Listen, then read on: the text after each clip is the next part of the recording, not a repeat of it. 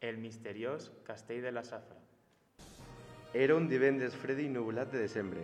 No eren ni les 8 del matí i Caterina ja pujava pel parc del Salitre, que està justament davall de l'Institut Enric Valor de Monover. El timbre de les 7.55 sona. Això significava que ja tocava anar a classe. La jove va accelerar el pas per no arribar tard.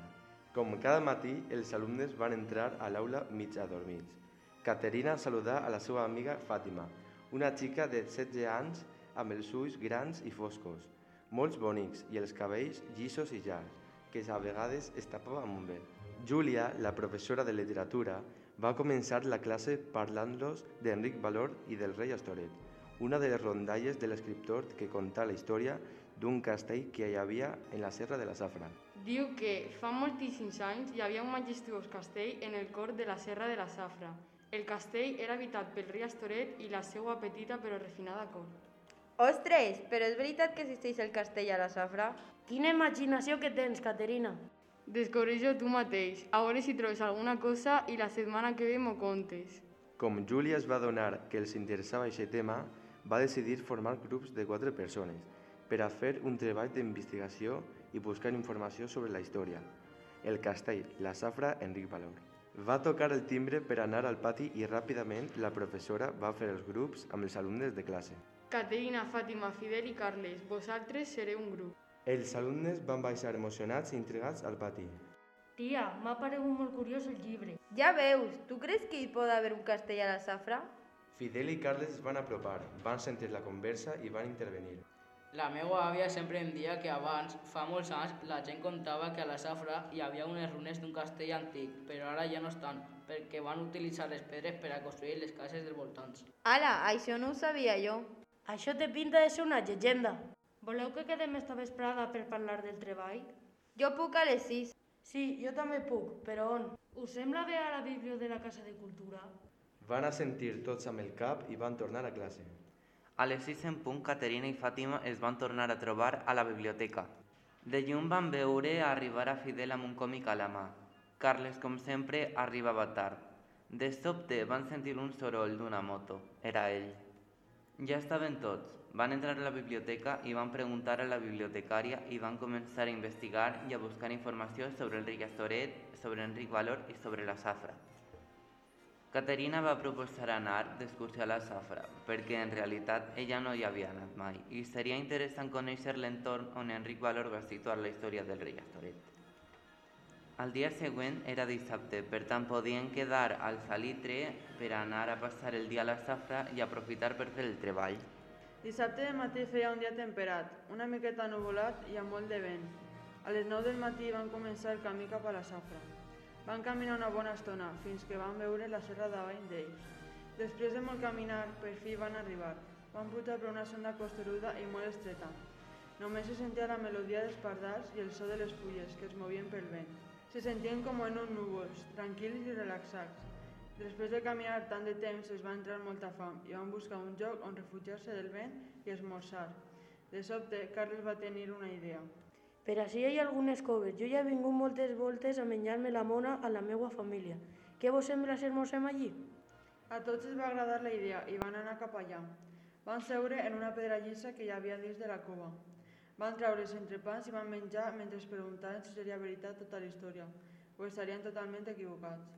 De sobte, Fàtima va tropeçar amb una pedra i de davall va eixir una clau antiga que estava ben amagada. Es va entrar molta curiositat. De qui serà aquesta clau? Què fa així? Què obrirà aquesta clau? Totes aquestes preguntes i més es rondaven pel cap. Inquiets van començar a investigar per dins de la cova, alçant pedres, tocant la paret, el sostre. De sobte Fidel va trobar recolzada en una paret de la cova una roca llisa d'un color roig brillant i va exclamar Ei, ajudeu-me, així hi ha una pedra molt gran i sospitosa. Ajudeu-me a moure-la per a veure si hi ha alguna cosa darrere. Entre tots van apartar la roca i darrere va aparèixer un xicotet forat ple de terra. Fàtima va començar a bufar i van veure que hi apareixia un pany. Els va envair una gran eufòria i emoció, però al mateix temps estaven atemorits perquè poguera aparèixer darrere de la porta. Caterina va agafar la clau i la va ficar al pany. La mà li tremolava i li va costar d'introduir. Després de molt intens es va sentir un clic, la clau va girar i la paret es va obrir rinyolant. Qui vol entrar primer? Després d'un silenci intens, Carles es va adonar que ningú volia entrar i va passar ell davant. Els quatre amics van obrir els ulls, sorpresos del que estaven veient. Fidel, apunta-ho tot i fes les fotos del que estem veient per poder fer el treball i mostrar-li a la professora. Fidel, cagat de por, va agafar la càmera mentre Fàtima prenia punts. Les mans es tremolaven.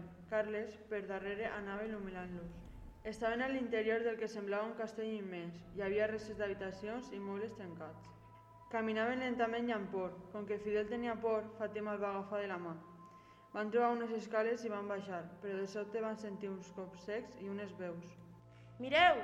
Què ha sigut així soroll? Pareixen dos homes, no? Semblaven les ruïnes d'un castell, i just enmig de l'estança en què estaven hi havia dos homes amb pales excavant. Els adolescents es van endissar molt més i es van amagar darrere d'una roca. Ho has trobat? Veure alguna cosa? Sí, aquí Àlex, està aquí. Ajuda'm. Podien veure que els dos començaven a traure una espècie de tomba enorme plena de diamants i coberta d'or. Per fi l'hem trobada, la tomba del rei Astoret. Som rics. Amaguem-la i demà tornarem amb ben ajuda per a poder transportar-la.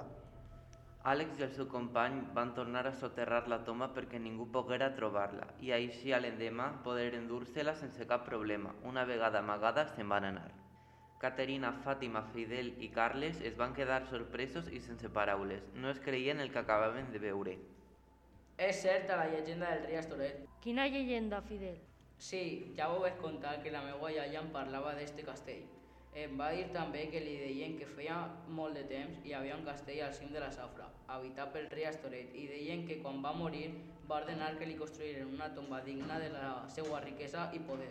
Estic flipant. I per què no vas contar tot, Fidel? Vos vaig contar solament una part perquè pensava que era mentida. Em semblava impossible. No podien quedar-se amb els braços creuats. Es van arrimar al lloc on havien cavat els homes i Fàtima va cridar. Va, ajudeu-me, anem a fotografiar-ho tot.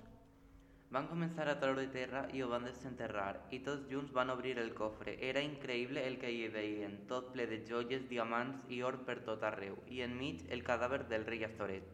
Era cert el conte d'Enric Valor. De sobte es van fixar que el rei portava a les mans el collar de perles que la fada Salina donà a Margarida Blanca, l'estimada d'Astoret. El van agafar i se sentien com si estigueren en una pel·lícula d'acció, perquè aquest gest va activar una trampa i l'entrada es va començar a tancar. Es quedaven tancats i no podrien eixir. Oh, no! Afanyeu-vos, amics, encara podem eixir. Per sort van poder eixir a temps. No m'ho puc creure, per poc morim. Hem d'anar ràpidament a la policia. Tens tota la raó. Van decidir baixar ràpidament cap al poble i van informar a la policia del que hi havien descobert. La policia va acudir ràpidament, però quan hi van arribar no hi havia res, ni pany, ni roca, ni castell amagat. Els joves es van quedar sorpresos i decebuts. Com era possible, si tenien les fotos, la clau i fins el collar de perles que ja havia agafat Caterina? Carles i Fidel van agafar el mòbil per a revisar les fotografies i Caterina es va tirar la mà a la butxaca buscant la clau. No és possible, no tinc la clau. S'haurà perdut. Les fotos no es veuen, la imatge està tota negra, no es veu res. No tenim cap prova. Bé, però nosaltres ho hem vist. No ens creuran, es pensaran que estem bojos, que tot és una mentira. Per què s'haurien d'inventar una cosa així? Pareu, pareu ja de discutir. Dilluns ho parlem a la professora i ho explicarem tot.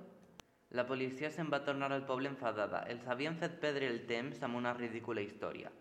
Els joves també van decidir tornar i van intentar deixar de pensar. Tenien moltes preguntes però cap resposta. Dilluns de matí van pujar la costera del Salitre cap a l'institut, com cada dia. Estaven ansiosos de contar-li a Júlia, la professora de literatura, tot el que havia passat. Però ella tampoc no els va creure. Va fer una gran rialla i els va dir que tornaren al seu lloc, a seure. Els quatre es van quedar decebuts i tristos. La professora va començar la seva classe de literatura, però sense voler li va caure a terra el llibre. Eixe colp tan fort va despertar Caterina, que va alçar el cap de la taula. Va mirar desorientada al seu voltant i va sentir una veu que els deia Faré un treball en grups de quatre i anirem a la Safra per investigar on se situaria el castell del rei Astoret segons la història d'Enric Valor. A Caterina se li van il·luminar els ulls. Va mirar a Fàtima emocionada i li va dir Farem el millor treball de tota la classe i serem un bon equip amb moltes més coses en comú del que puguem imaginar. Ja veureu.